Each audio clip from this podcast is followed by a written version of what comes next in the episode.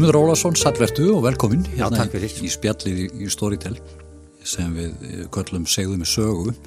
Þú hefur sagt þar nokkrar sögurnar og, og lesið inn á þínar bækur hérna, barnabækurnar um Emil og, og Skunda og reyndar fleiri bækur. Hvernig, hvernig urðu, kannski byrjum á Emil og Skunda, hvernig urðu, urðu þær bækur til? Já, sko, ég alltaf, var nú alltaf að skrifa eitthvað og, og uh, síðan uh, ég var nú orðin tiltölulega fullorðin, sko, þegar ég byrjaði að skrifa þannig laga þegar fyrsta bókin kom út 1986 Já, þú, varst orðin sko búin að skapa þér hérna, 25 sem, ára þá þegar búin að skapa þér sem, sem leikari. Já, ég var byrjaði að leika þá Já. og hérna síðan uh, það gerðist nú eiginlega þannig að ég sá auglýst samkeppni hjá Vöku Helgafelli um íslensku barnabókaverlunin og uh, þá manna ég mig svona upp í að skrifa og ég hefði örglega aldrei uh, hérna voga mér að fara á forlag með handrit. En það var mjög þægilegt svona í þessu tilfelli því að maður gæti skrifað og sendt inn undir já. og hérna það þurfti aldrei að koma í ljós hver, hver hefði skrifað þetta. En, en hérna síðan sem sagt fekk ég fyrir þessa bók Emil og Skunda fekk ég fyrstu barn, eða barnabókaverlunni þegar á afhendi fyrsta skipti Já, Já, einmitt. hjá Vöku Helgafelli Já. En að hverju byrjar að skrifa barnabókmyndir? Varstu búin að vera hérna í leikúsinu í, í barnaefni eitthvað eða hvernig, hvernig kom þetta? Já, já, ég hérna eh, ég hef búin að leika náttúrulega leika í línu langsokk og, og hinn og þessu sko og svo átti ég börn á, á, á sagt, ung, ung börn þannig að maður var að lesa fyrir þau og, og hérna. Og ég reynda að byrja á því að segja þeim þessa sögu svona, svona og fekk svona já, eh, góðar viðtökur þannig að ég ákvað að halda áfram að skrifa hana og, og, Þannig að karakterinir eruðu bara til svona eiginlega sjálfsbrotnir. eða? Já, svona nokkurn veginn sko. svo þurfti maður nú svona að raða þessu öllu betur saman og, og, og, og, og framvindan var nú að verða kannski svona aðeins strömlínu lagari heldur en svona við, við, við hérna rúmstokkin á, á kvöldin Já, já, já. En e, þetta er, en í- það er alltaf magnað að, að þetta skulle verða til í, e, sem sagt, í óskrifuðu máli, í töluðu máli. Já, svona sko megin hlutin að því Já.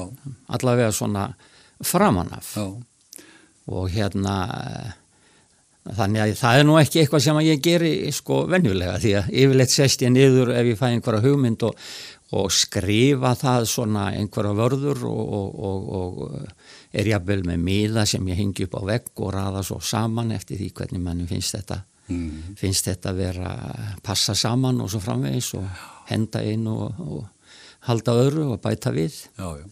En samt er það einhvern veginn þannig að, að það að, að hitti svona skemmtilega á að, að, að sögur sem verða til í mæltu máli eh, skuli verða eh, sko hljóðbækur núna. Já, já, já, já.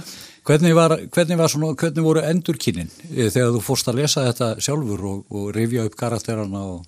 Já, ég, ég, nú langt, langt síðan ég hef lesið þetta. Ég vísu kynntist sko aftur, fyrstu bókinu með Emil og Skunda, kynntist henni svolítið aftur. Ég byrjaði fyrir þremur árum, byrjaði ég sem smíðakennari Já, í, já. í hátegskóla og uh, þá fóru, kom í ljósa að í yngstu bekkjónu voru kennarar að lesa þessa bækur. Og, og hérna e, báðu fyrst að höfundurinn var nú í húsinu báðan að koma og, og lesa smá við að segja frá. Þannig að ég svona end, e, rifjaði upp kynni mín af, Emil og Skunda. Já, já. og það er náttúrulega óskaplega gaman að fá að lesa þetta svona inn eins og segir, eh, byrjaði svona sem, sem frásögn og heldur síðan áfram sem, sem einhvers konar frásögn og, og, og hérna og ég er að semst að lesa eða var að lesa allar bækurnar það eru auðvitað þrjár alls Emil og Skundi, Emil Skundi og Gústi og Emil og Skundi æfintýri með Ava og þar já. og hafa nú langt síðan ég hafi lesið þessa æfintýri með Ava og, og á hann ímislega sem kom mér óvart bara, ég myndi ekki alveg hvernig, hvernig ég hafi leist úr hinn og þessu. Já, já. En hérna þetta, voru þetta, var ekki meira gert með þetta efni á sínum tíma? Jú, ég saði nú tímabili að það var eiginlega ekkit eftir nema bara að gera bólinn, sko. Með myndi að Emil og Skundi fór mjög víða, sko. hugmynd, hugmynd Já, ég til dæmis var, var einu sinni bóðið að koma í, í hérna badnastarfi í kirkju þar sem að var verið, verið að lesa bókjun og hafa unni verkefni upp úr. Upp úr þessu. Já, þetta er alltið, skemmtilegt. Síðan gerði ég eh, upp á stöð 2 e, eh, þryggja þáttaserju upp úr þessari fyrstu bók. Og síðan e, gerði Þorstein Jónsson leikstjóri bíóminn sem hann skýrði í skíahöllina mm -hmm.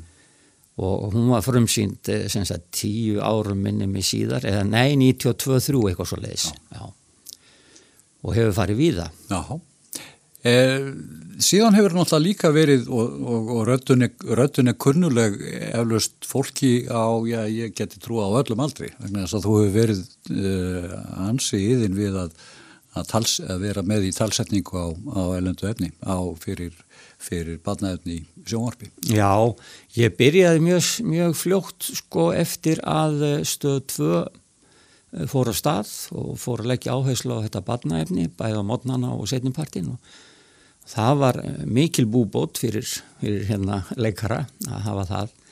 Og síðan hef ég eiginlega haldið áfram og að þú segir að eh, svona einhverju kannist við röttina þá, þá eh, er oft fólk sem að ég var til dæmis bara í sjóppu um daginn og var að kaupa eitthvað og þá sagði afgröðslumæni sem er kannski svona um þrítugt Já. sagði hérna, heyrðu, last þú ekki inn á teiknumindir já, já. Og menn koma svona stundum upp um sig sko, þú veist að já. þeir hafa verið að horfa sko hálf fullornir á, á, á efni fyrir yngstu börnin.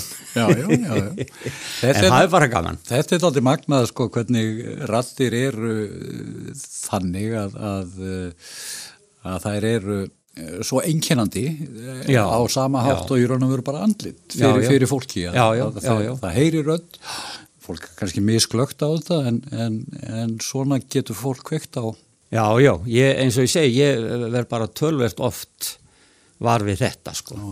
og svo náttúrulega þegar ég fór að kenna þá þá er þetta náttúrulega hópurinn sem er, yngri bekkirni sem er að horfa á þetta efni og, já, og hérna og það er mikið spurt. Og beðin um að leika sko já, hvort að ég geti talað eins og þessi og þessi sko.